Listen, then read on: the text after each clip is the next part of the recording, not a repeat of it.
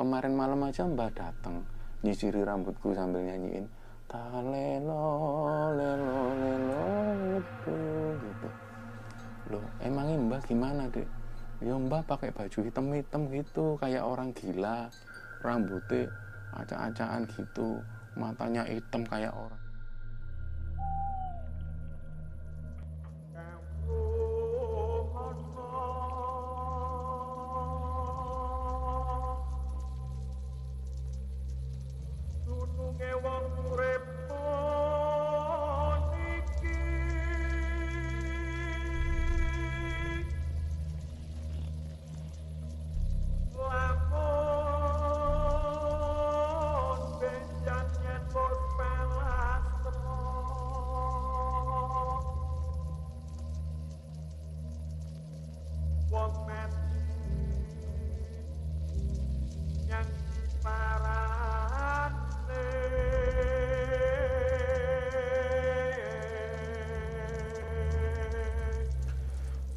Jadi aku mau cerita mas.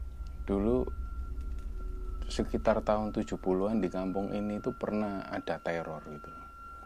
Terornya ini bukan teror-teror yang main-main Karena ada orang yang meninggal Malamnya itu gentayangan Dan neror warga-warga sekitar kampung gitu loh. Ini ada tahun 70-an itu ada seorang nenek-nenek yang dia itu sebenarnya kehidupannya biasa-biasa aja ya ngaji ya sholat gitu kan Cuman yang membedakan dia dari orang lain itu karena dia jahat sama orang. Dia jahat banget sama orang. Jadi yang sering didengar oleh warga itu ketika ada anak-anak mainan di depan rumah, main pasar-pasaran, main bola dan lain-lain itu selalu diusir. Dan ngusirnya itu nggak selalu yang ayo mikir enggak, selalu kasar gitu. Ngusirnya itu langsung, "Woi, ini bukan rumahmu. Jangan main di sini."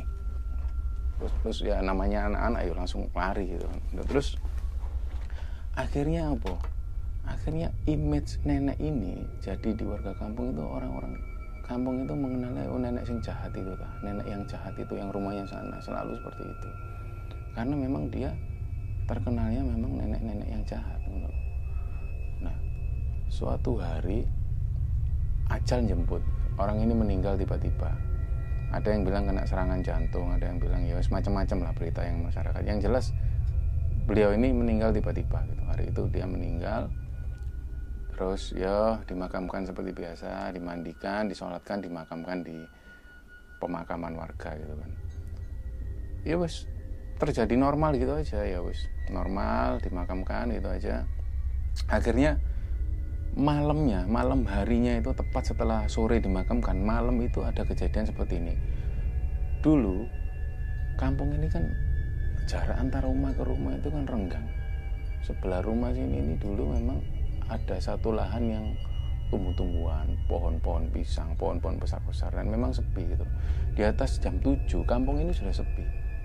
Nah, ada satu penjaga toko cewek itu pulang jam 9 malam, kampung sudah sepi, dia begitu masuk gang kampung, dia itu ngelihat mbahnya ini yang doplok di pojokan kampung, pojokan gang itu sambil gini, rambutnya terurai terus kotor gitu deg kan nah dia antara mau masuk sama enggak itu ya takut namanya. Loh inilah mbak sing meninggal tadi sore kok. Loh kok mbak ini kok di sini gitu kan? Mau masuk nggak jadi terus akhirnya belum masuk. Mbak ini noleh ke arah ini noleh ke arahnya sambil melihat lah pokoknya telok ay ngapa kamu lihat aja? Langsung lari soalnya yang anak cewek ini tadi lari akhirnya nggak jadi pulang nginep ke rumah temennya. Begitu nginep ke rumah temennya besok paginya dia cerita ke bapak Pak semalam itu aku ditakuti sama mbak itu. Mbak yang meninggal kemarin sore itu. Lah bapaknya masih nggak percaya karena nggak mungkin ya mungkin kamu ketakutan aja sama orangnya enggak pak serius aku lihat orang itu duduk di situ pojokan sambil pakaiannya compang camping hitam gitu. Ya duduk persis kayak orang. Terus kayak orang waktu dia masih hidup itu rambutnya compang camping rambut itu ikal terus ya wes kayak orang belum mandi. Akhirnya nggak dihirokan nah malam kedua kejadian malam kedua itu akhirnya si mbah ini gentayangan lagi gitu. Gentayangan lagi dengan penampakan yang gini loh. Dia pakai pakaian comang camping ya hitam gitu kan. Sambil kayak kaki eh keseret-seret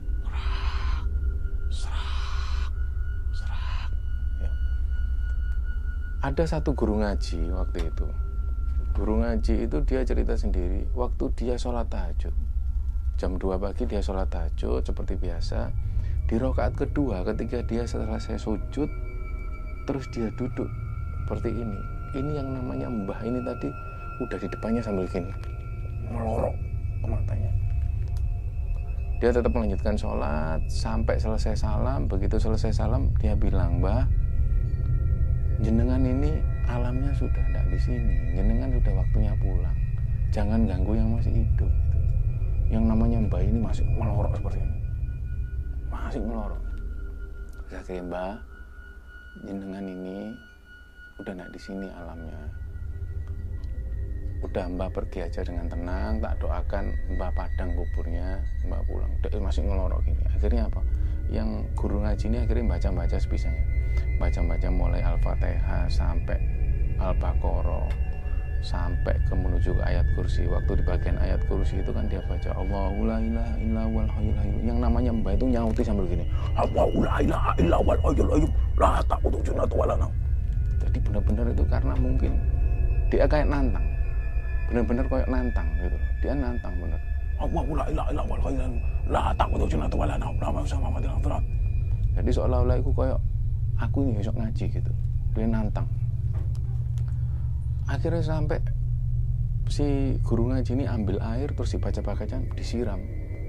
Ya perginya dia itu cuma pergi biasa yang pergi gitu. Ya penampakannya wujud manusia gitu. Dengan rambut yang terurai rusak gitu. Wes guru ngaji ini akhirnya cerita ke orang-orang. Akhirnya jadi perkunjingan kan setelah ada karyawan toko yang ditakuti malamnya terus guru ngaji ini ditampai malam hari itu akhirnya jadi perkunjingan warga kampung. Mbak ini mbak ini tadi nenek-nenek ini tadi anu gentayangan ini ini gentayangan ya untungnya hal ini nggak sampai di telinga keluarganya keluarganya. Jadi belum sampai ke telinga keluarganya. Terus jadian selanjutnya muncul. Malam selanjutnya itu neror lagi yang nenek ini gentayangan lagi. Jadi begitu di atas isya itu orang sudah masuk kampung sudah masuk rumah semua. Karena takut takut mbak ini muncul. Ternyata beneran muncul. Muncul pelan-pelan jalannya sambil seret-seret. Kayak dek itu kayak nahan beban. Ada satu orang itu yang ngintip dari lubang kunci. Ngintip dari lubang kunci sekecil ini. Lihat mbah itu jalan sambil nyeret kaki deng ngintip dari lubang kunci tahu? Begitu mbah ini nyeret kaki gini. Lah orang yang ngintip dari lubang kunci itu tadi mbah ini noleh langsung. Wah nyamper di sambil gini. Jadi yang ngintip di lubang kunci itu kayak duh duh duh. Mana nih.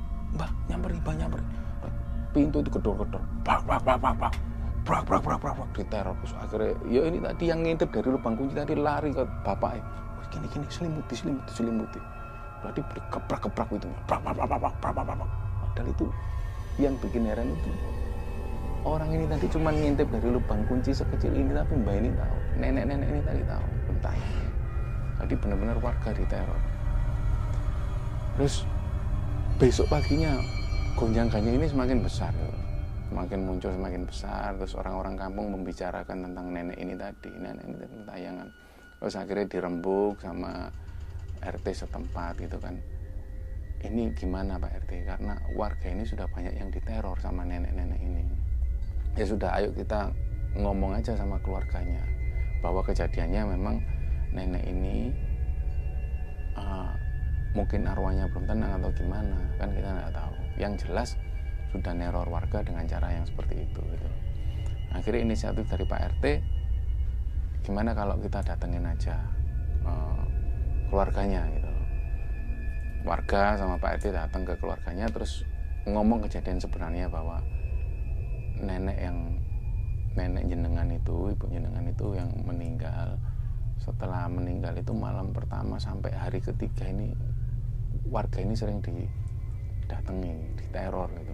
Bahkan ada yang sampai dikedor-kedor pintu terus guru ngaji itu didatengin sambil di depannya persis sambil dibacakan ayat kursi tapi dia tetap balas dengan ayat kursi. Tadi bener-bener orang baca ayat kursi dia balesi dengan kayak nantang. Akhirnya keluarganya ngerasa nggak terima gitu dan nggak mungkin ibu saya nggak mungkin mati seperti itu ibu saya. Orangnya baik-baik aja nggak pernah melakukan apa-apa. Ya sholat ya sholat ngaji ya ngaji. Nggih ya mungkin mungkin memang keluarga keluarga jenengan mungkin tidak percaya tapi warga ini yang merasakan efeknya gitu. Warga ini diteror benar-benar diteror. Orang-orang sampai ngungsi. Ini kejadian nyata memang banyak orang-orang yang ngungsi gitu. Saking takutnya itu sampai ngungsi nggak mau tinggal di kampung itu. Dia milih tinggal di rumah saudaranya atau rumah temennya. Karena apa? Karena takut dihantui sama nenek ini tadi gitu. Akhirnya ketika keluarganya nggak percaya ada satu cucunya itu cucu dari nenek ini tadi itu bilang bahwa iya kok mbak itu sering ngeloni aku kalau malam. Lu iya tadi iya mbak itu kalau malam nyisiri aku gitu di tempat tidur. Nyisir pelan-pelan sambil nyanyi no aku lagu-lagu yang lelo lelo lelo mosok dek gitu sing cucunya bilang iya kok mbak masih sering kok kalau malam. Kemarin malam aja mbak datang nyisiri rambutku sambil nyanyiin lelo lelo lelo gitu gitu. Loh emangnya mbak gimana dek ya mbak pakai baju hitam-hitam gitu kayak orang gila rambutnya acak-acakan gitu matanya hitam kayak orang yang udah nggak tidur seminggu. Dek kok yang bener gitu? Akhirnya di situ pengakuan cucunya sendiri bahwa tiap malam itu nenek ini tadi datengin cucunya. Padahal nenek ini udah meninggal gitu. Tapi kesaksian cucunya itu semakin membuat keluarganya itu semakin percaya bahwa ya memang benar mungkin memang nenekku ini ibuku ini memang kentayangan gitu. Yang jadi masalah kenapa kok nenekku kok meninggalnya seperti ini gitu? Akhirnya dirembuk sama Pak RT terus ini gimana Pak RT solusinya sudah dengan percaya. Iya karena cucunya tadi cerita anaknya tadi cerita setiap malam dinyanyikan sampai disisiri rambutnya akhirnya percaya. Wes uh, Pak RT sama warga masih belum nemu solusi karena memang ya solusinya gimana masih nggak tahu. Yang penting keluarganya sudah tahu bahwa nenek ini sering ganggu gitu, dengan cara seperti itu gitu. akhirnya malam selanjutnya itu uh, ada suara sebelum subuh orang itu subuh dulu jam 4 kan subuhnya. Tapi orang dulu itu jam 3 kan sudah datang ke masjid. Datang ke masjid lebih dulu gitu kan. Jam 3 entah sholat sunnah entah apa gitu. Begitu ada rombongan ibu-ibu ini mau ke masjid itu dengar suara orang ngaji gitu. suara perempuan Loh, sopo ngaji? Kok jam segini kok udah ada yang datang? Padahal pintu masjid belum dibuka gitu. Dulu itu masjid namanya masjid itu yang megang cuma satu orang kunci. Karena langgar wakaf gitu langgar wakaf dipegang satu orang. Bukan yang dipegang remas apa ini? Mengurus masjid seperti sekarang enggak ada yang satu orang megang kunci. Kunci ini masih dibawa. Masjid ini belum dibuka kuncinya tapi sudah dengar ada suara orang ngaji dari dalam masjid. Sompo diintip dari lubang-lubang itu diintip ternyata yuk nenek ini tadi ngaji. Ngaji sambil deprong uh, langsung. Begitu kunci dibuka namanya ibu-ibu itu bilang eh dia nyebutin nama ya eh. Kok niku nggonmu wis tutuk nang ngaliyo kon niku. Lapo kon sik nang kene nggodho wong ae? Dia tuh tawa. Iku kayak ngejeng mari ngono terus si orang ini tadi ibu-ibu tadi jelasin eh kon kok niku omamu gak nang kene ngaliyo alammu itu sudah beda sama kita. Tadi sempat ada diskusi waktu itu. Tapi yang nenek yang gentayangan ini tetap kayak nggak ngiro kan sambil ngecel sambil ketawa seperti itu. Akhirnya semua itu baca ayat-ayat. Ayo dibacakan dibacakan ayo semua ada sekitar 3 sampai 4 orang ibu-ibu yang mau sholat subuh itu tadi bacakan bareng-bareng Bismillahirrahmanirrahim. Alhamdulillahirabbil alamin dia itu tambah semakin nari-nari. Alhamdulillahirabbil alamin dalam masjid bayang. Nah, itu koyok dia itu semakin melawan gitu kayak semakin melawan. Kalau orang yang ya dibacakan ayat seperti itu kan pasti yang kalau zaman sekarang rupiah pasti udah pergi atau gimana. Tapi dia itu kayak ngelawan kayak sambil nari-nari gitu kembali lagi ke bagian ayat kursi ketika dibacakan ayat kursi. Allah la ilaha illa dia itu sama semakin nantang di depannya orang-orang. Allah la ilaha illa wal la takut sunat kayak nantang itu akhirnya salah satu ibu-ibu itu ngelempar tasbihnya di setan setan setan balik setan. Terus dia itu lari sambil ketawa. Keluar lari. Nggak tahu ke mana lari. Terus akhirnya nggak ngetok lagi akhirnya dari kesaksian ibu-ibu tadi yang dihantui di masjid itu akhirnya wes ini kayaknya nggak bisa dibiarin lagi karena ini sudah keterlaluan. Ini sudah ganggunya itu ganggu yang benar-benar neror dan sudah benar-benar yang sangat mengganggu sekali. Akhirnya diomongkan lagi dirembuk lagi sama keluarganya ini gimana solusinya? Jangan sampai gini terus gitu loh.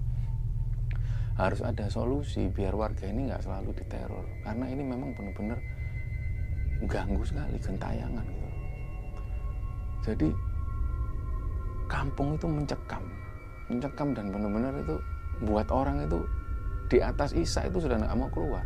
Udah di dalam rumah udah ngunci pintu wes nggak berani lihat ke jalan gitu. Orang itu gitu umumnya. Sampai akhirnya ada satu keputusan dari uh, Pak RT dan warga sama keluarga yuk Pak kita panggilkan orang pinter yang kiai yang bisa ngusir ini ngusir makhluk ini apa nggak tahu makhluk apa itu. Ada satu kiai yang punya pondok pesantren di daerah pesisir mm, dekat pantai sana dekat pantai di Surabaya ini kan. Dipanggil kemudian dia eh, dikasih tahu kronologisnya seperti apa. Pak Kiai ini punya inisiatif ya sudah kita datengin makamnya nanti ketika di sana kita lihat proses keluarnya ini gimana proses keluarnya orang gentayangan ini gimana. Begitu warga nyampe di pemakaman itu benar-benar warga semua ini nggak hanya satu orang yang melihat banyak orang saksi yang melihat. Muncul orang ini seperti orang biasa muncul dari pemakaman itu sambil nyeret kaki sambil mendelik mendelik gitu. lapo podo nang kene lapo nang kene kabeh? Ngerti kan? Kenapa ini semua di sini lapo kok nang kene. Jadi bener-bener ya Pak Kiai itu dengan santainya yang mana? Eh wes kon nang mulai omamu gak nang kene mulai mau ojo ganggu wong ae. Sampai dengan gayanya yang nantang itu hati ketawa ketawa ngakak ngakak akhirnya Pak Kiai ini ngambil sajadah terus dibacakan ayat-ayat mungkin ayat-ayat rukia atau apa dikepuk di bagian punggung. Waduh waduh ya waduh ya sahabat lagi. Allah buah buah sampai tiga atau sampai lima kali akhirnya. Dia itu tiba-tiba ngeblak brek jatuh di tanah. Terus nggak tahu kayak berupa asap gitu aja. Asap set hilang gitu aja. Ini banyak saksi mas. Karena ini kisah nyata. Kisah nyata ini bisa terjadi di tahun 70-an kisah nyata di sini. Setelah kejadian itu banyak warga itu yang masih ini masih takut. Yang ngungsi belum balik. Karena masih takut bener-bener berapa uh, satu minggu itu diteror itu setelah diusir oleh Pak Kiai hari itu besok malamnya itu alhamdulillah sudah nggak terjadi teror-teror lagi. Dan sampai hari ini ya yang terjadi ya kampung ini padat gitu kan. Ya nggak kejadian itu wis banyak yang lupa. Generasiku generasiku itu wis hampir nggak tahu. Kalau bukan ibuku sendiri yang cerita kejadian 70-an itu ya mungkin aku nggak tahu. Nah ketika ibuku cerita ya aku cerita ke kamu gitu loh. Kamu kan sebagai warga baru di sini. Jadi nanti kalau ada hal-hal yang aneh terasa di kampung ini ya wis kamu minimal kamu tahu sejarahnya kampung ini gitu ya itu sih yang terjadi di kampung ini memang kisah nyatanya seperti itu mas apa pesan yang kita bisa ambil dari ini? Bahwa orang ini dulunya semasa hidup itu sholat juga tekun ngaji ya juga ya seperti biasa. Tapi apa satu hal yang membuat dia matinya tidak enak seperti itu? Karena dia jahat sama orang. Nah ini yang perlu kita waspadai bahwa ternyata ada amalan-amalan yang harus memang kita itu harus sadari bahwa jahat sama orang yang kita nggak tahu orang yang kita sakiti itu sakit hati atau enggak. Bayang no anak-anak mainan di depan rumahnya langsung disentak. Jangan mainan di sini. Ini bukan rumahmu. Sampai gitu. Makanya yang terjadi seperti itu ya itulah. Ya itu kampung ini kisah nyatanya seperti itu. Dan masih banyak kisah-kisah yang aneh lainnya yang horor gitu loh di kampung ini. Ya kapan-kapan main-main sini lagi kita cerita-cerita lagi. Yuk kopi nih monggo